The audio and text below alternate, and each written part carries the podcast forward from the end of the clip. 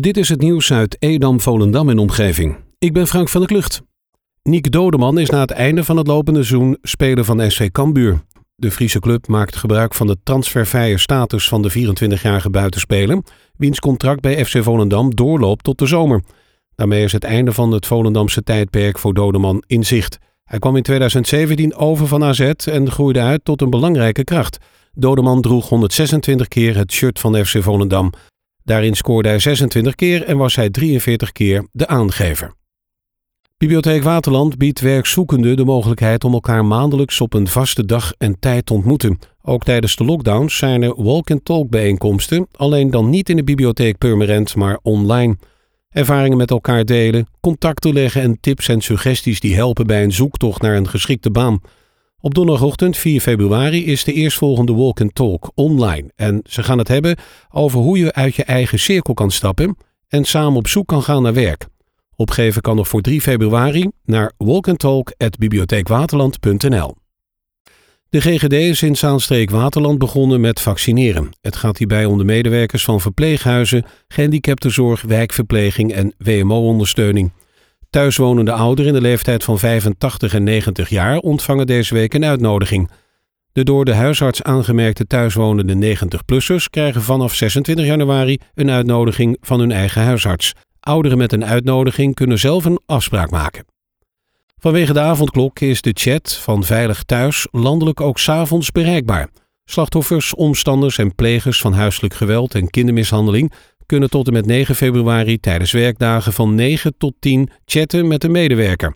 Het landelijk telefoonnummer 0800 2000 voor advies en meldingen is 24 uur per dag, 7 dagen in de week bereikbaar. De Veilig Thuisorganisaties maken zich zorgen over de effecten van de coronamaatregelen en de toename van geweld in huiselijke kring.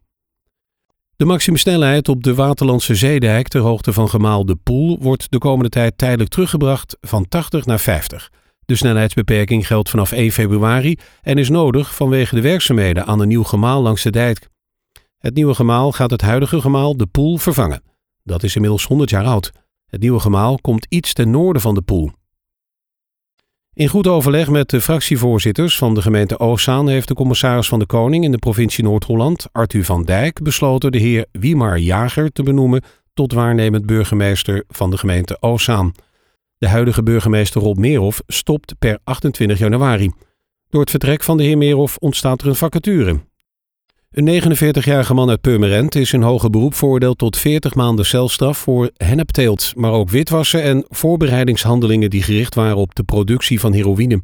De man hield zich in 2017 vanuit Nederland bezig met de smokkel van azijnzuurhydride en zoutzuur verstopt in zeecontainers met auto-onderdelen en motorolie naar Afghanistan.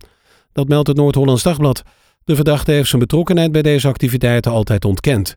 Volgens eigen zeggen had hij het pand aan de Nijverheidsweg onderverhuurd en van zeecontainers gevuld met dubieuze substanties wist hij helemaal niets af.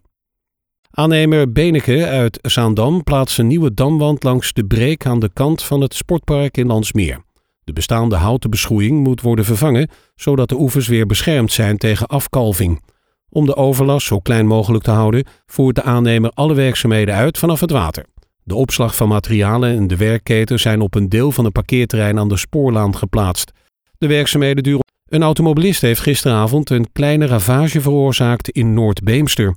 De vrouw reed met haar auto dwars over een rotonde heen op de N243 bij Middenweg. Bij dat incident botste zij tegen meerdere palen aan. Ook werd een lantaarnpaal uit de grond gereden.